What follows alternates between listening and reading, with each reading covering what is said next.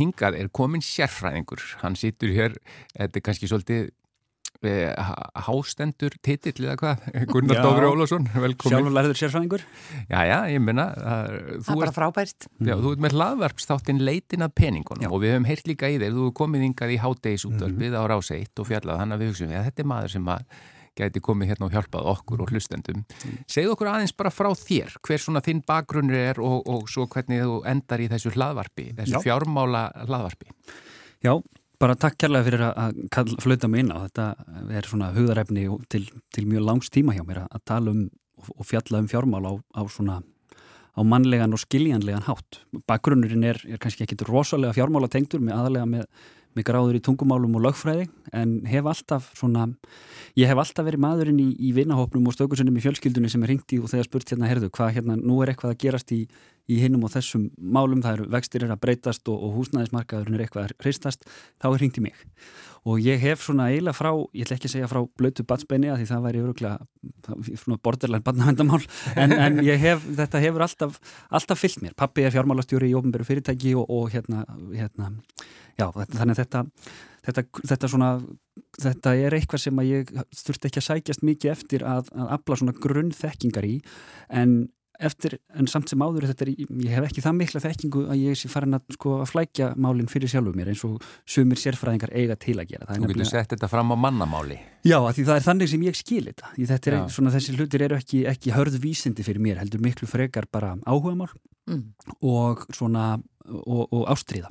Já. Og þetta getur nú verið ansið flókið hér á Íslandi þar sem mm. við erum með þessa krónu og, og allt sem hefur farið upp og niður hér. Einmitt. Já, maður er oft lendi í vandraðum bara hreinlega að útskýra til dæmis verðtrygginguna og allt það fyrir fólki frá öðrum löndum. Mm -hmm. Það er bara hvað þetta er. Já og við, við, við erum í svolítið sérstöku fjármála umhverfi. Við erum það, við erum náttúrulega rosalega lítið hagkerfi og, og hérna, verðtrygging er, er eitthvað sem er ekki nota nema bara fyrir svona flókna fjármála gerninga út í heimi, eitthvað sem sko, ríkið notar til að tryggja sína fjármunni og þannig hér er þetta, er þetta bara hluti af, af húsnæðismarkarum og það er svona kannski, má segja að einhverju leiti jákvægt að það hefur lengi verið talað um að reyna svona, ég myndist að banna verðtryggingu eða fasana út eða eitthvað svo leiðis en það sem gerst, hefur gerst svona kannski undanförnum misserum er það að með lækkun vaksta, nú erum við komin alveg bólakaf í þetta já, já, eftir því sem að hérna, vextir hafa lækkað og núna sérstaklega inn í bara síðustu misseri að þá hefur bara, bara Jón og Gunna þau hafa í auknum mæli bara tekið óverðri lán að því þau geta það. Verðtriðu lánin hafa haft þann svona þann sjarma, það hefur verið kostur við þau að þú borgar minna fyrst en lánin geta hækkað og þú borgar meira setna. Óverið triðlánin eru þannig að þú borgar eiginlega alltaf það sama mm -hmm. út, út allan tíman. Óvertrið? Óvertrið. Mm. Já, þannig að það er verðbólgan og verðtryggingin hún, hún, svona, hún gerir það verkum að lánin, lánin hækka. En þetta eru, þetta eru svona, svona meðal mjög margra viðfangsefna sem við höfum tekið fyrir þarna í leitina peningunum sem að er svona missjónið okkar er í rauninni Uh, já og fyrir það fyrsta, þetta er, þetta er hlaðvarp sem er í rauninni engum háð, við erum ekki með auðlisendur eða, eða kostendur eða neitt svoleiðis heldur er umbóðsmaður skuldar á bakvið þetta með stuðningi frá félagsmálaráðanitinu þannig að þetta er, þetta er í rauninni það má, það má segja að þetta sé sko ofinbert að því leitinu til, það er engin, engin, hérna, engin fjármála öflið eða neitt svoleiðis sem, sem að geta tóið en eina strengi, við erum algjörlega óháð öllu slíku. Mm. og upplegið er svolítið þetta af hverju tölum við svona lítið um peninga? Við, sem er náttúrulega ekki rétt við, við bara, þið getið ekki hlusta á einn einasta fréttatíma aðeins að þessi talað um peninga. En það er alltaf um peninga hjá ríkisfjármálum eða gjaldþrótum eða, eða stórfyrirtækjum eða eitthvað svo leiðis en það er aldrei, eða allt og lítið talað um bara þá peninga sem ég á í lókmánaðar og hvað ég þarf til að komast af út mánuðin mm -hmm. og þetta er á landi það sem er búið að svona, svona taka tabúið af mjög mörgu sem að var tapu bara fyrir 10, 15, 20 árum hvort sem það er sko, kynneigð eða geðsjúkdómar eða eitthvað svo leið, það var ekki talað um þetta en svo fórum við að tala um þetta og þá svona, var þetta eðlilegri hluti af umræðinni og, og, og, all, og þeir sem að svona, þeir sem við vildu tala um þetta ég held að þeim hafi liðið miklu betur. Mm. þetta, þetta hefur verið, bara þannig að við förum með mitt yfir það, þetta hefur verið eiginlega bara feimnismál Algjör, að ræða fjármál einstaklinga Já, og heimilanna. og sérstaklega það að vera sko, ekki góður í fjármálum og standa höllum fæti í fjármálum. Það er eitthvað sem þú bara lokar þig algjörlega af við, með og talar ekki einu svona við sálfræðingiður. Já, ég menna ég er nú bara að sé að hreinlega hitt sé líka, getur líka verið feimnismál feimnismál að vera góður í fjármálum og vera jafnvel, mjög vel stæður, það getur verið feimnismál. Já, það, það, er, það er sko, það er kannski svona minna vandamál. Já, já. Ég held að fólki, fólk missi minni svefn út af því. Já, já. En það er líka eitthvað sem er ekki, þetta, þetta er ekki, þetta er ekki svona samræðu efni og við viljum svolítið breyta því fólk, fólk átti sig á því að það er bara, þetta er, það að meðhandla peninga, þetta er, þetta er svona eins og, eins og, hérna, eins og Dwight segir í The Office, lífið er stutt, nei, það er rámt, lífið er það lengsta sem gerir. uh, peningar eru hlut af lífinu all, alla hefi, sama hvað þið finnst. Hvort sem þú átt mikið af peningum, passlega mikið eða oflítið af peningum, þú ert alltaf að fást við peninga. Og, við, og ef þú ert betri en verri í því að þá er líklegt að þér muni vegna aðeins betur í lífinu. Já. hvað, er hvað sem að taka fyrir hendur Já, þetta er náttúrulega líðheilsu mál Já. að eiga nóg, Já. nóg fyrir sig. Já. Og já bara þeir sem eiga of lítið af peningum þeir hérna það gengur ekki vel hjá þeim. Nei, þetta er, þetta er og þurfa að vinna mikið og, og já, Já, sko áhyggjur Það og, og ágreiningur algjörlega, áhyggjur og ágreiningur um fjármáli þetta er helst ástæða þess að pör hætta saman. Það, það er, þú veist, þar á eftir er framhjáld þannig að það bara, það er, það er hérna, þetta er rosalega stort En einmitt eins og í öruglega samböndum uh, get ég ímynda mér með að við allt það sem við erum búin að ræða núna, Mm. það er líka kannski ofta því það er ekki rætt. Það er að segja ekki talað um fjármálinn, Já. að þetta verður kannski að einhverjum stórum áhugjefnum sem er ekki rætt. Við, og þannig upplifum maður oft umræðuna, eða það að segja umræðu leysið um Mhm. fjármálinn, að þetta, við erum stundum eins og bara strútar sem stingum hausnum í sandin, sko, og vonum að hlutinni lægist bara af Já. sjálfu sér. gera það stundum en eiginlega oftast ekki. Og, og það sem er líka vond í þessu er að það er algengt að, að pör skipti með sér verkum og annar, annar helmingur sambandsins taki að sér fjármálin það skiljanlegt bara út af mismunandi áhugasviðum og svo leiðis en ég er, mér finnst það rosalega slæmt og ég held að það eigi allir sem eru í sambandi eiga að vera svona að hafa grunn skilning á fjármálum heimilis eða síns, síns pars, síns heimilis og sínar einingar. Mm annars, annars er voðin vís ef, sko, ef, ef annar er óheðalegur eða bara ef sambandið slitnar þá, þá kemur annar út úr því í rauninni vitandi ekkert um sín fjármál. Mm, einmitt En svo hefur oft verið sko að því að í til dæmis þessu hlaðvarpi þá uh, sá ég þessum frasa kasta fram að hverju geta sumir alltaf sparað á meðan aðrir koma sér einhvern veginn aldrei í það? Mm -hmm. að því að það, maður hefur líka heyrt bara býtu hvernig á ég að spara, ég er með það lág launa ég er bara vallan að ég að borga hérna, reikningan um mánaðamótin. Einmitt. geta allir sparað? Þetta, er, þetta er rosalega góð spurning og, og ég hef svona verið að hallast að því að svarin er játandi. Mm. sem er svona kannski pingustuðandi ja, því fyrir fólk sem er bara með nánast enga pening á melli handana þá er það kannski, þá er það, virðist að vera fjarlægur draumur. En við erum ekki að tala um að spara stórar fjárhæðir. Það eiga allir eina krónu sem þeir geta verið án og geta lagt til hliðar. Og, þegar, og um leiðu ert búin að sko, snúa haustum á þér inn í það munstur að þú getur sparað eina krónu, þá getur þú sparað tvær og svo, svo tíu og svo kannski tíu krónur á dag. Þannig að ef þú, og það, það er með þetta sumir, af hverju eignast sömur peninga en aðrir hérna, gera það ekki. Þannig að mjög margar breytur þarna og tekjur og útgjöld og, og, og sko, staða í, í, í lífinu skiptir það mjög miklu máli. En til þess að spara þá þarftu, þetta er svona veist, til þess að verða betri í, í því að hlaupa þá þarftu að hlaupa til þess að vera betra að lifta þungum hlutum þá þarftu að lifta þungum hlutum.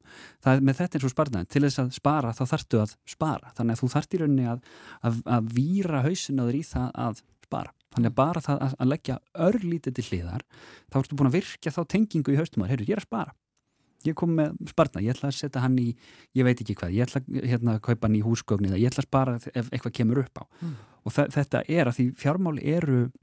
þetta er þetta er, ekki nema svona kannski 20% þekking og, og lestur, þetta er 80% hegðun. Hvað ger ég? Pakka ég nesti á kvöldin? Er ég tekið strætó frekar en að, að keira? Kaupi ég hérna, þú veist, fer ég út í hátteginu öll kvöld? Er ég, er ég óskipulaður þegar kemur einkaupum og hendi helmingnum að því sem ég kaupi?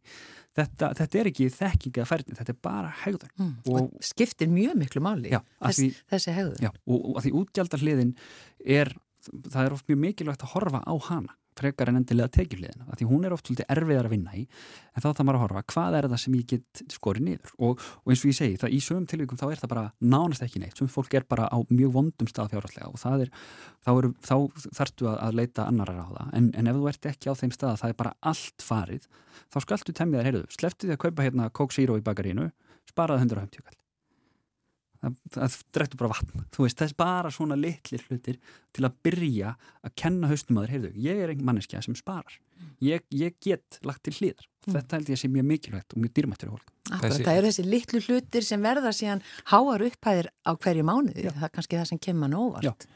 En hérna þessi hlaðvarstáttur, mm leitin að peningunum, þú sagðir hvað, þeir, þeir eru orðinni 30 og... 35 eða 6. Já, og, og það eru þetta að finna þá bara á þessum hlaðvarpsveitum. En, en hvað er svona, þú hefur vantalega verið að fjalla svolítið um fastegna viðskipti þar og, og, og þennan spartna. Hvað eru svona stóru málinn? Er þetta stóru málinn?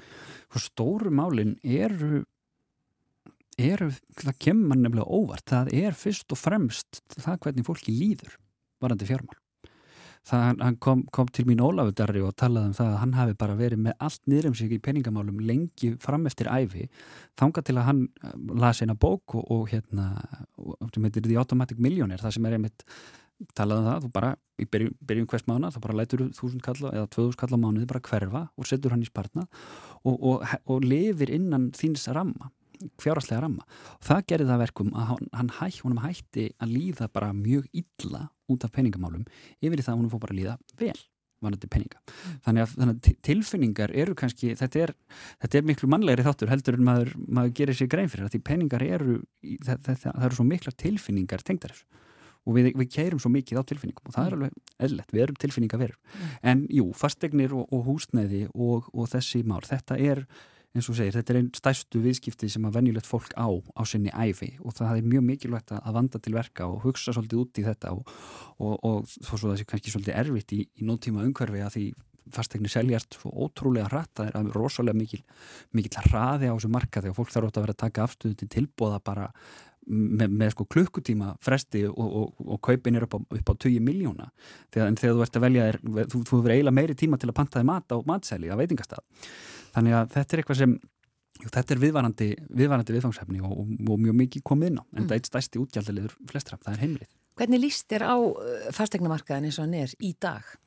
Og nú hafa vextir hækkað örlítið? Nú hafa vextir hækkað örlítið og, og fastegnamarkaðurinn, fastegnaverð hefur hækkað bara mjög verulega svona á síðustu mánuðum og, og sérstaklega við horfum kannski svona 5 ára aftur í tíman, það, það leiði að hafa reitt ár það sem að fastegnaverð hækkaði með held í 25% ef ég mann rétt og þetta, er, þetta eru bara mjög mikla hækkanir. Það er, það er náttúrulega ekki lögmála að húsnæði hækki við sem, sem erum eldri en tvívetur. Munum eftir að eftir hruni þá lækkaði húsnæðisverð tímabundið en kom svo mjög hratt tilbaka. Uh, hvað stýrir þessum hækkunum? Það er erfitt að segja en það er, það er mikið bent á það að þetta vakstarlækkanir hafa gert það verkum að núna er auðveldara kannski að stækka við sig, auðveldara að taka lán. Og, og þetta er þetta er svona þetta er hín hliðin á, á vaksta peningnum að því við, já, köllum það að því Ísland hefur verið gegnum tíðina með herri vexti heldur en til dæmis Norðurlandin sem, sem gerir það verkum að fólk á Norðurlandum borgar lægri vexti á lánunum sínu. Fermetraverð í Svíþjóður hins vegar bara daldi herra en á Íslandi þannig að þú ert að borga lægri vexti af herri fjárhæð. Og það er svolítið sem að hefur kannski gerst núna með þetta. Fólk, að, fólk hefur efni á því að taka meira að láni að því vextir eru lægri en þá tekur það bara meira láni og borgar meira fyrir húsnæðið. Þannig að þú endar kannski á sama stað, hvað var það, hvað þú greiðir um hver mánaðamót mm -hmm. og átt jafn stóra eign sem, sem kostar meira og þú skulda bara fleiri miljónir heldur en þú gerðir. Já, að því, að því við höfum aðgangað að e, hagstæðir í lánum, Já, þá tökum við bara hærri lán. Þá tökum við bara hærri lán og sem gerir það verkum að húsnæðið hækkar í verði Já og þá þannig svona, þetta er einn svona, einn kenninga því af hverju þetta er svona þetta er svona, svona hænan og ekki dæmi En sko, til dæmis hef ég heyrt í svona, heyrt borið saman fjármál Íslendinga, einstaklinga og fjármál til dæmis fólks í Nóri mm -hmm. það sem að fólk kaupi sér helst ekki bíl nema eiga alveg fyrir honum mm -hmm. meðan við erum virðist vera talsvert eh, viljúri til að taka lán mm -hmm. og það var kasta fram þarna sem er reynda gaman að segja ef þú vinnur, Íslandingu vinnur 2 miljónur í lottónu þá kaupir hans í bíl fyrir 20 miljónur þú veist, en verður um ekki var við þennan hugsanangang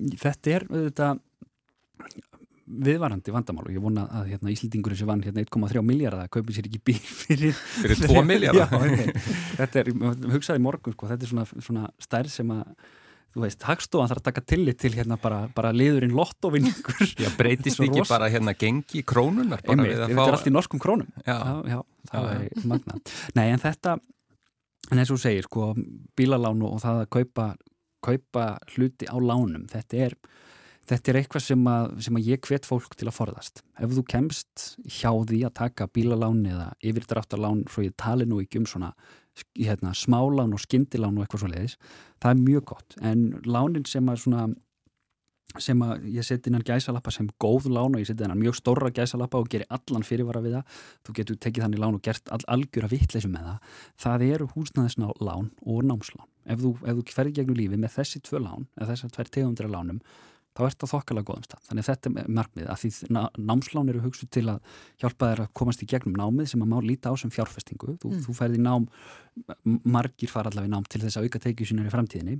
Húsnæðislán er eitthvað sem þú tekur til að kaupa húsnæðið sem þú þart að búi, það þurfa allir heimili og það er sko fyrst og fremst neistla húsnæði, við, við, við neytum þess að búi húsnæði sem er alltaf svo skrítið að tala um að neyta húsnæði og neyta bíla, þetta er bara svona einhvað hagfræðingatal en það er svona að í eins og, eins og verið hefur á Íslandi þetta er, þetta er eignir sem, sem sko lækka ólíklega í verði þó svo það geti gert það og kannski eru við akkurat núna í einhverju fastegnabólu. Ef ég geti svarað þeirri spurningu þá væri ég, væri ég að tala við World Economic Forum en ekki, ekki í mannlega þætti. Já, við fáum spurningu á eftirnefla sem að snýra aðeins já, að þessu já. en hérna eigum við ekki bara henda einu lægi í gang og svo förum vindu okkur í spurningarna. Söpnum saman spurningunum og förum í þar eftir að eh, þær syngja hér Borgardætur, frelsi ég finn. Já, og Gunnar Dáfri Ólásson situr hér áfram.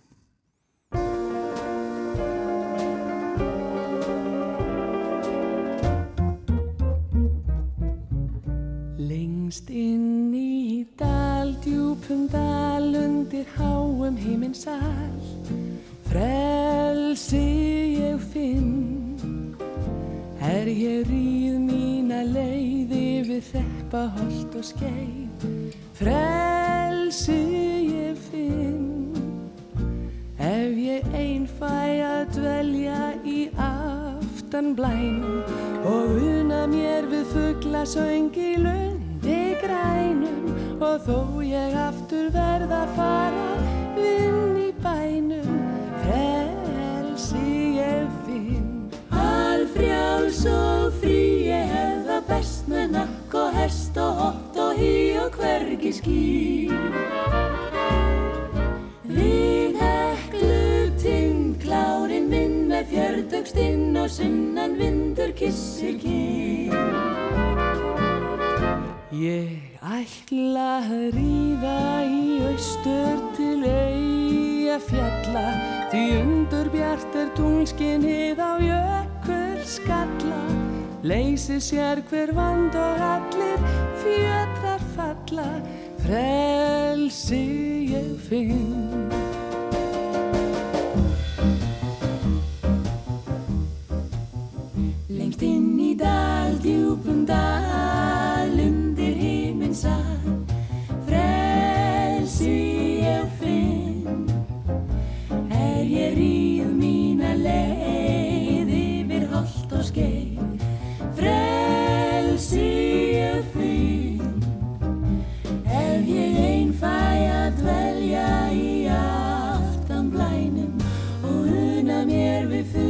fuglar söngi lundi grænum.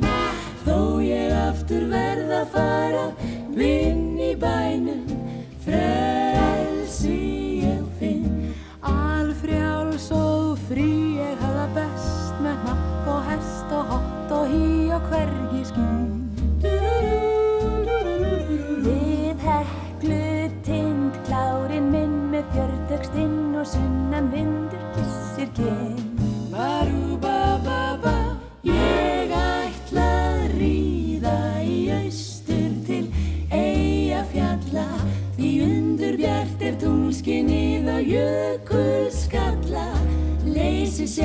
vand og allir fjötrar falla Frelsi ég finn, já Frelsi ég finn, já Frelsi ég finn.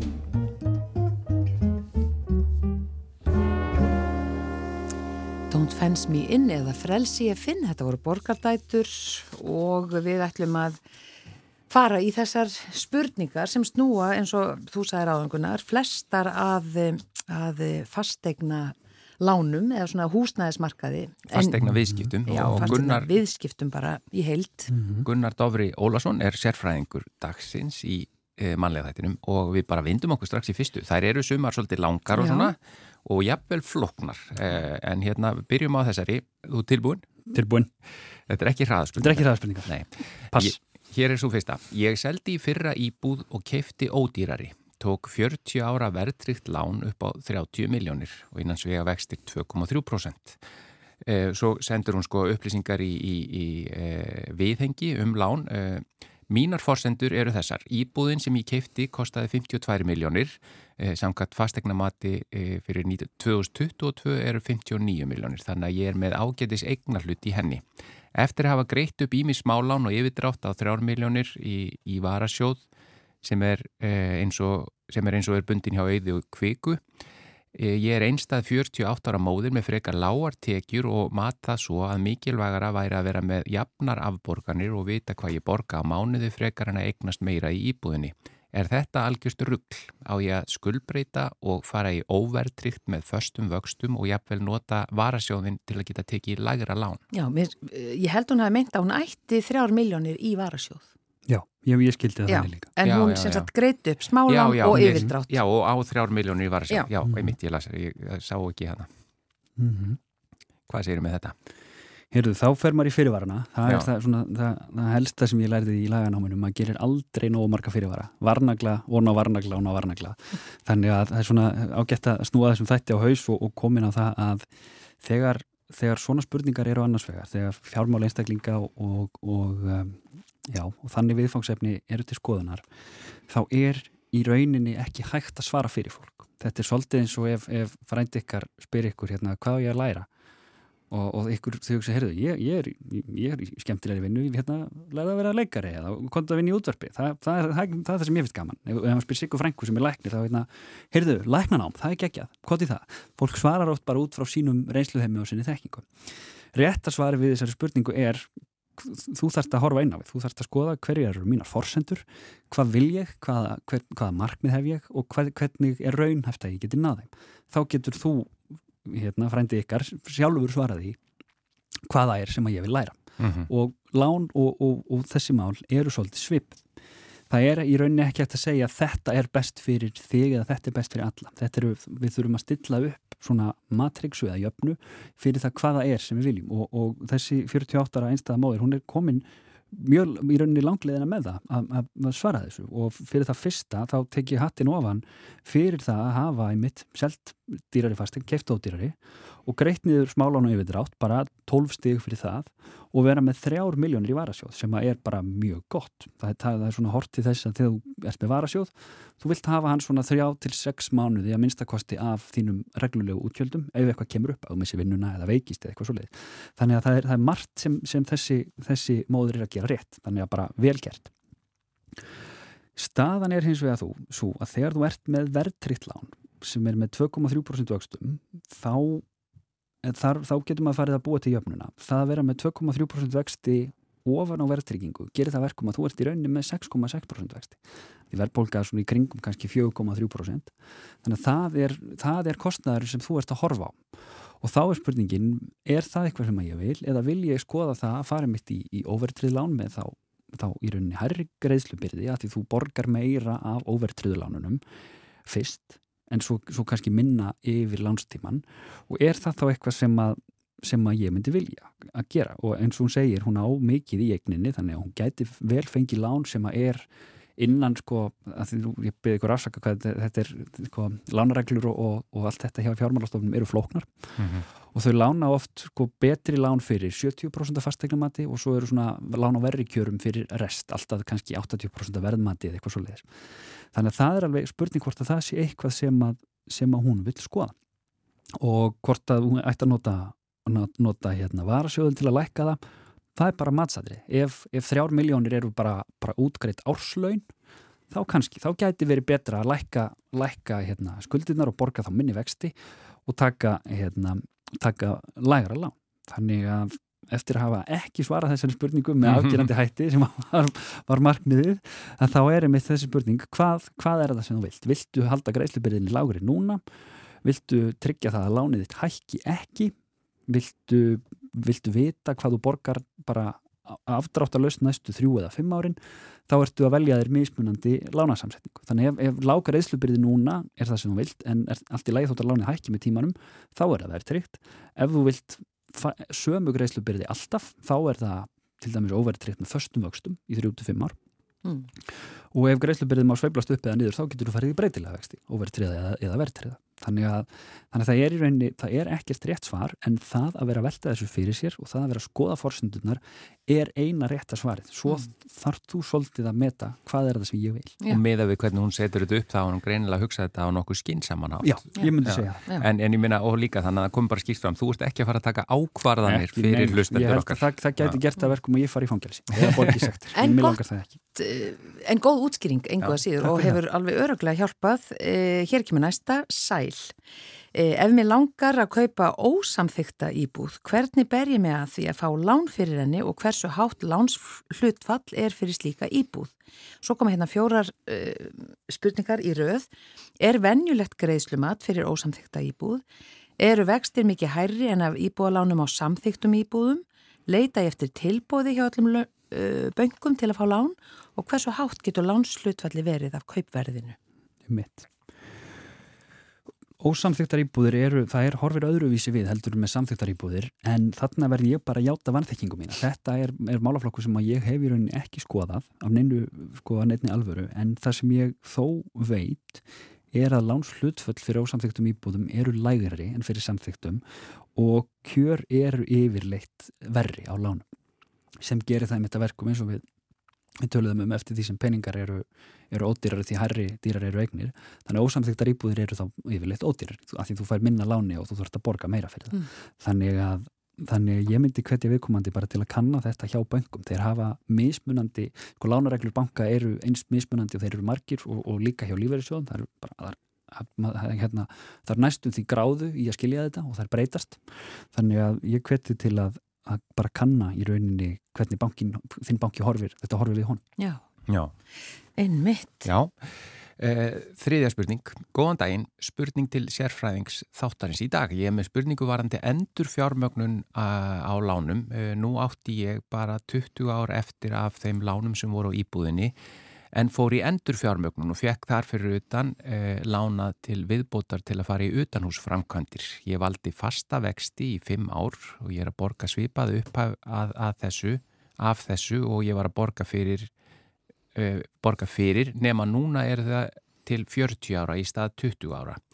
Reyndar mun lánið ekki hækka næstu árin eins og með verðtriðalánið og með því að hafa þetta til 40 ára þá er ég að borga talsvert meira en ég hefði ef ég hefði sleft að taka þetta lán. Það bætast þarna nokkrar miljónir við. Get ég eftir 5 ára tímabil breytt láninu aftur í verðtrykt lán og jafnvel til skemmri tíma e, það sem er að lánatímin stittri þá. Það sem ég hef ágjör af er að vextir hækki þannig að það verði erfitt að ráða við aðborganir eftir þessi 5 ár. Hvað gerir maður í því? Og uh, hvað verður reynd að gera í því. Hm. Ég er líka að hugsa yfir þessar, ég líka að hugsa yfir þessar sölu Íslandsbanka en ég er þar með mitt lán. Er meiri áhætta fólkin í því þegar ríkið er búið að selja bankan frá sér? Þetta er laung og mikil og stór spurning. Já, þegar stórt er spurt. En þarna eru aldrei þessu vantir eiginlega hægt að svara þarna einstakar spurningum já eða nei. Það já. er alltaf rosa gaman. Já, já. Sko ef við byrjum á spurningunni, get ég eftir þetta fimm ára tímabil breytt láninu aftur í verðtrikt lán og jafnvel til skemmri tíma. Stuttasvari við því er já, ef þú stænst greiðslumat. Af því það sem gerist þegar þessu fastvaksta tímabili líkur, þessum fimm árum að föstum óverðtregðum vöxt Já, hann nefnir ekki hann sem er óverðtryggt að maður svona rekna með því að því hann segir að breyta því aftur í verðtrygt Já, akkurat, þannig að maður getur svona við gefum okkur það, þá eru klausur í lánum að þau fara þá yfir á einhvern svona til dæmis bara breytilega óverðtryggða vexti og, og, og matla þannig þá áfæra með restina á lánstímanum. Þá getur við komandi ákveð, heyrðu, vil ég borga þá vexti eða vil ég fara aftur í verðtrygt og vil ég stitta í láninu sem að sem er að, en maður getur er alltaf ágændis leið til að þvinga sjálfansi til að spara að því mm. því hraðar sem þú borgar niður lánið þitt því minni vexti borgaru af því. Og, og vextir eru bara lega á peningum.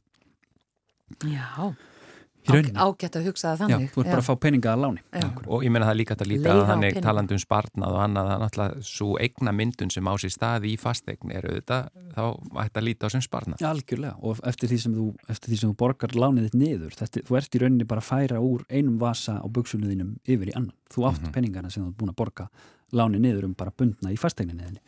Þannig að já, það sem þú getur gert, þú getur, farið, þú getur að öllum líkindum farið aftur yfir í verðrikt ef, ef, ef þú vilt eftir fimm ár og jafnvel fyrr ef þú vilt greiða lánið bara á, á eftir eitt ár eða þrjú ár en þá þarfstu líklegast að greiða uppgreifslugjald sem að eru og haldið ykkur 0,2% af fjárhæðinni sem þú greiður upp fyrir hvert ár sem er eftir af förstu vöxtunum.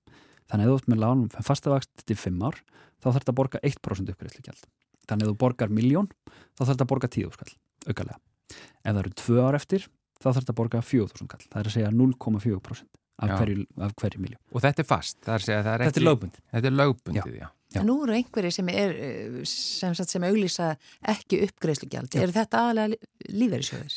Á förstu lánunum held ég það já, ég er ekki með, þetta algjörlega á tæru, mm. en lífeyrisjóðir eru yfirleitt ekki með uppgreifslugjald á sínum lánum en ef fólk er að skoða þetta þá bara kanna þessa skilmála mjög vel. En bara smá svona einskot, mm -hmm. hvað finnst þér um uppgreifslugjald?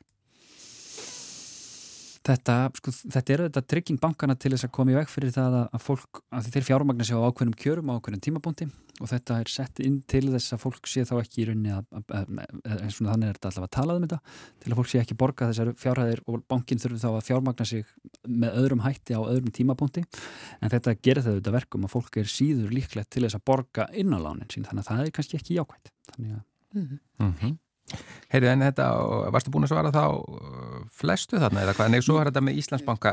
Já, með sölun á Íslandsbanka. Ég held að það, ef ég, aftur, ef ég ætti svar við því, þá, þá hérna, þá verður verið að borga mér rosalega mikið fyrir að, fyrir að svara þeim spurningum hjá, á einhverjum Hún er, hún er að velta því þarna fyrir sig hvort að sko í rauninni það að, að bankin fyrir enga eign, hvort að það muni breyta já, einhverju. Já, ég get í rauninni ekki sagt til um það. Það er, það er erfitt að svara því. En það er eðlilegt að fólk spyrir sig. Já, einmitt. En, en, Vist, hverju það breytir að ríkið eigi bankan eða, eða, eða í, í dag ef það er einhver vísbending þá eru bankarnir með tilturlega svipuð lánakjör á sínum lánum óháð eignarhaldi. Þó svo mm. það sé munur, þeir lána mís mikið og, og mís góðum kjörum ef það er einhver vísbending en það er í rauninni engileg að segja hvort og þá hvernig eitthvað breytist við mm. Talandu um hérna eh, munin á böngum og, mm -hmm. og þá er hérna næsta spurning snýra að því. Mm -hmm. komið sæl, ég hef spurning um húsnæðislán. Á ég að kanna kjörin hjá öllum lánastofnunum og böngum fyrst? Sem sagt er einhver munur á fastegnarlánum á millistofnana sem heiti getur? Mm, Stutansvarið er já.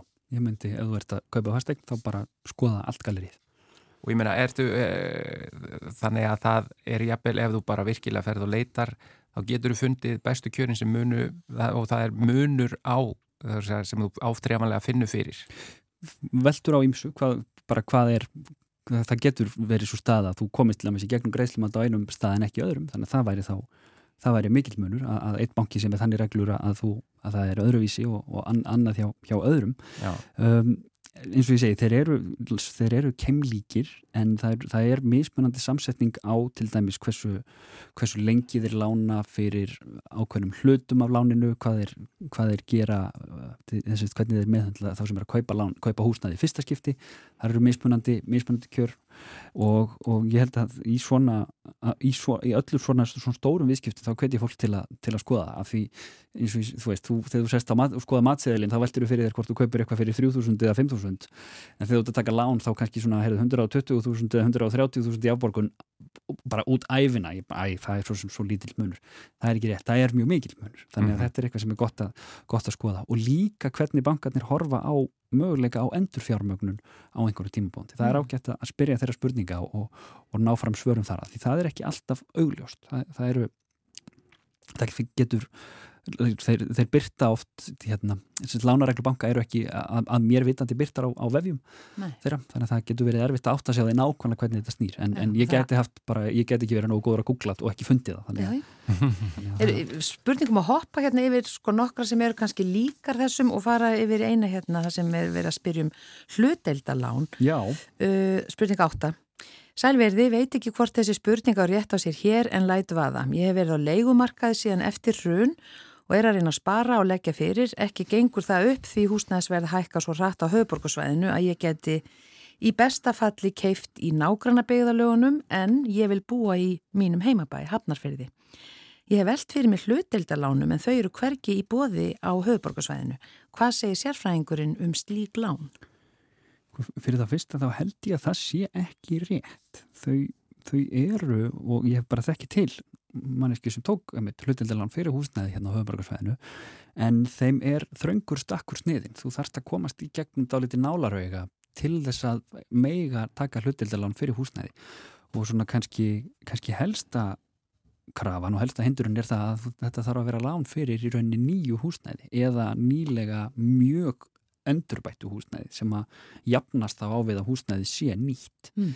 Þannig að þetta er hægt á höfuborgarsvæðinu. Nú, nú spyr ég bara fyrir þá sem að ekki vita mm -hmm. hérna, þar meðal mig.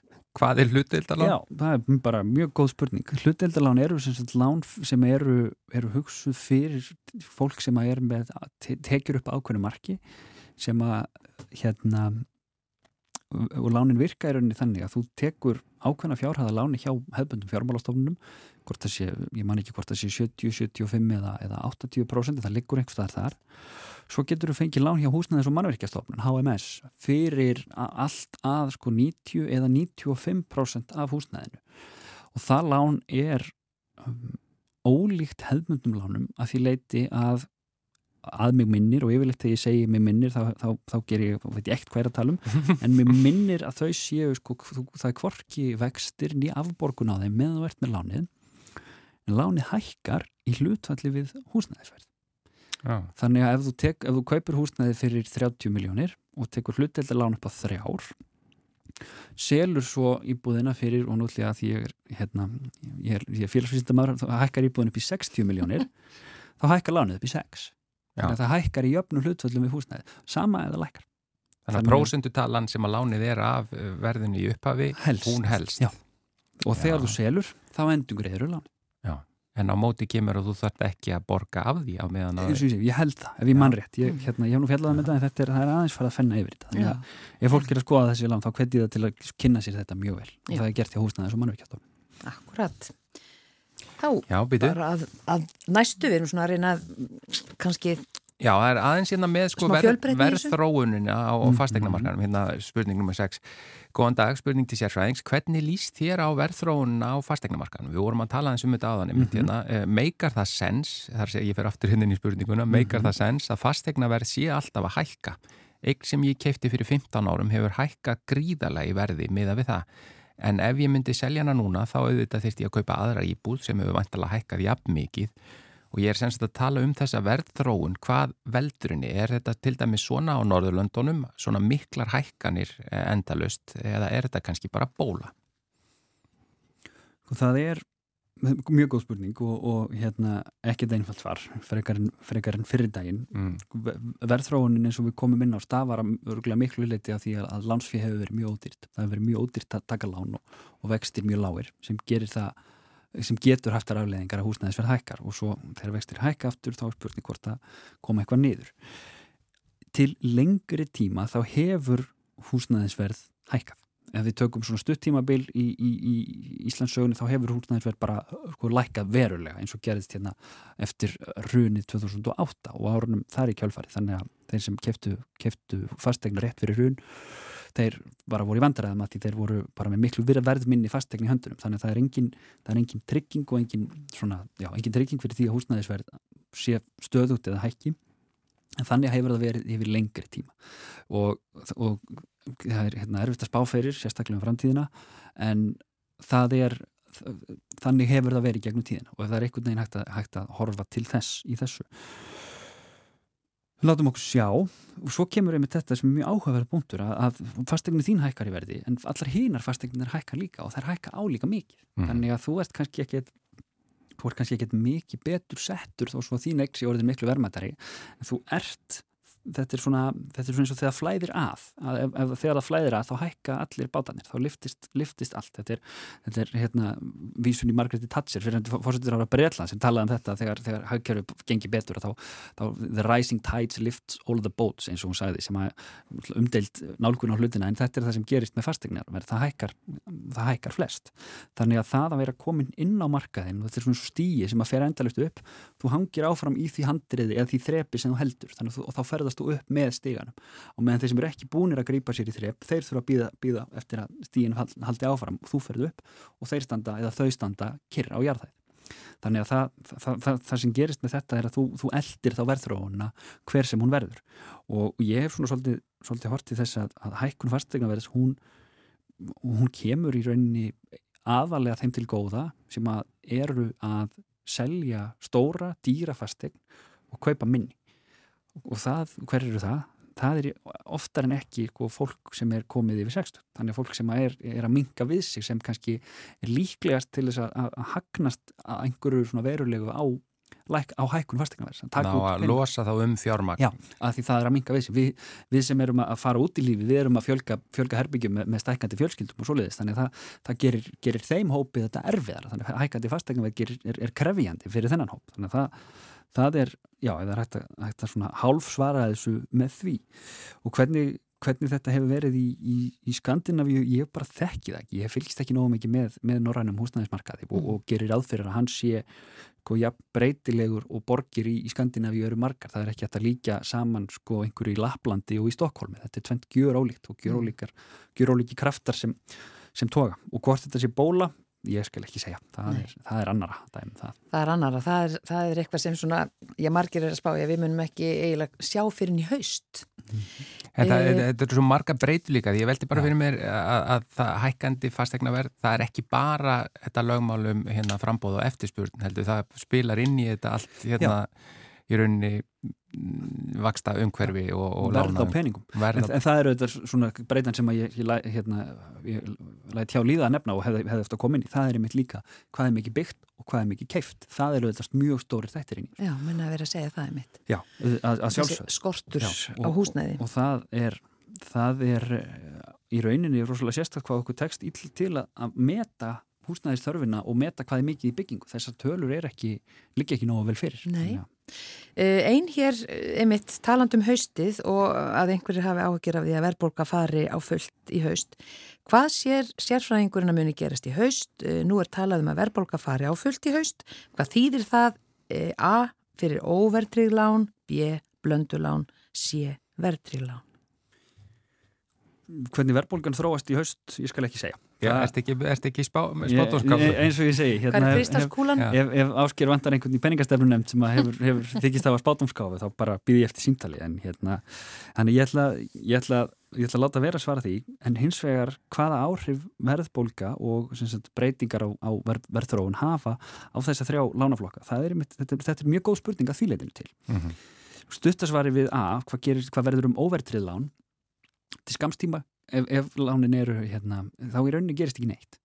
Höfustóll óvertriða lána, hann, eina sem breytir húnum er þú, annarkort borgaru inn á lánið og þú lækkar það, eða bara eins og, eins og hérna, bankin og þið hafið samið um þú borgir það upp á okkur tíma eða þú borgar aukala inn á það og það lækkar meira, eða þú bara hættir að borga því og þú, þú safnar vanskilagjöldum þannig að þá hækkar það, þannig að þú ert í rauninni áhrif á þátturinn á óvertriðu lánin Já, þannig að verðbólgan hefur ekki engin áhrif á, áhrif á Nei, þau. Hún en, ekkert bit þar. Það sem hún getur hins vegar gert er að þegar verðbólga hækkar þá geta stýrivextir hækkað og þá ef þú ert með breytilega vexti á óverðtriðala ánuðinu þá er ekkert ólíklegt að þeir hækki þannig að það sem þú þarfst að borga í hverju mánuði hækkar. Lánið helst óbreyt en vextinir eru hærri og ef þú ert með fastavexti, segjum að það eru tvö ár eftir að þinni vaksta festingu þá eftir tvö ár, þá getur þú verið komin inn í allt annað vakstaðum hverfi heldur en þú ert í dag og þá þarf þú að horfast í augu við þig og, og hugsa, heyrðu, ég er borgað þetta núna ég skulda þetta mikið hvað get ég borgað? Er ég, ég yfir skuldsett eða yfir skuldsettur? Er ég með allt og há lán? Þarf ég eitthvað að endur skoða þetta?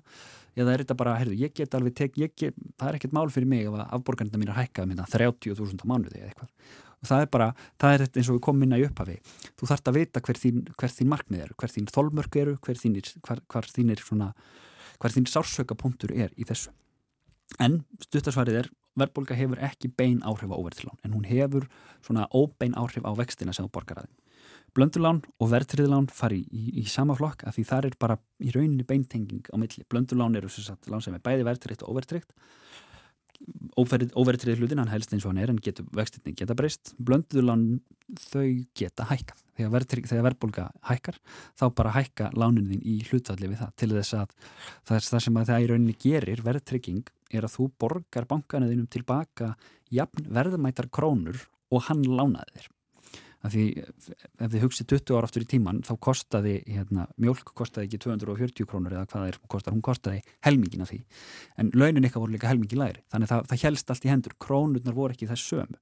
Þannig að þannig ef, ef ég segi við, ef þið segi því hérna getið lana mér þúsundkall og ég borga tilbaka eftir 40 ár, sama þúsundkallin þá mútið þau hugsa, nei ég er ekki til í það, eftir 40 ár verður verðminni Já, já. og það er það sem að verðtryggingin í rauninni gerir, hún tryggir það að ég borgi ykkur tilbaka þúsundkallin eins og hann er virði eftir 40 ár. Þannig að það eru áhrifin sem verða á verðtriðu lánin. Þannig að ef verðbólga fer í gang, þá hækka þið Já, Já. ef við ekki bara segja þetta? Ég, ég, mér sveimaði aðeins við þessu umræðu og, og ég er að reyna að ná hann en þetta er samt með að hafa mjög gott að fá þetta útskilt svona, en Gunnar Dófri Ólason uh, ég segi bara takk einnilega fyrir að vera sérfræðingur mannlega þáttarins í þetta sín, ég vona að spurning, spurningum hafi verið svarað fyrir hlustendur. Já, kæra takk fyrir komuna. Svo er þetta að hlusta í spilaranum eða vilja hlusta á þetta hægt. Já, 0,5 hérna. Já, takk fyrir komuna. Takk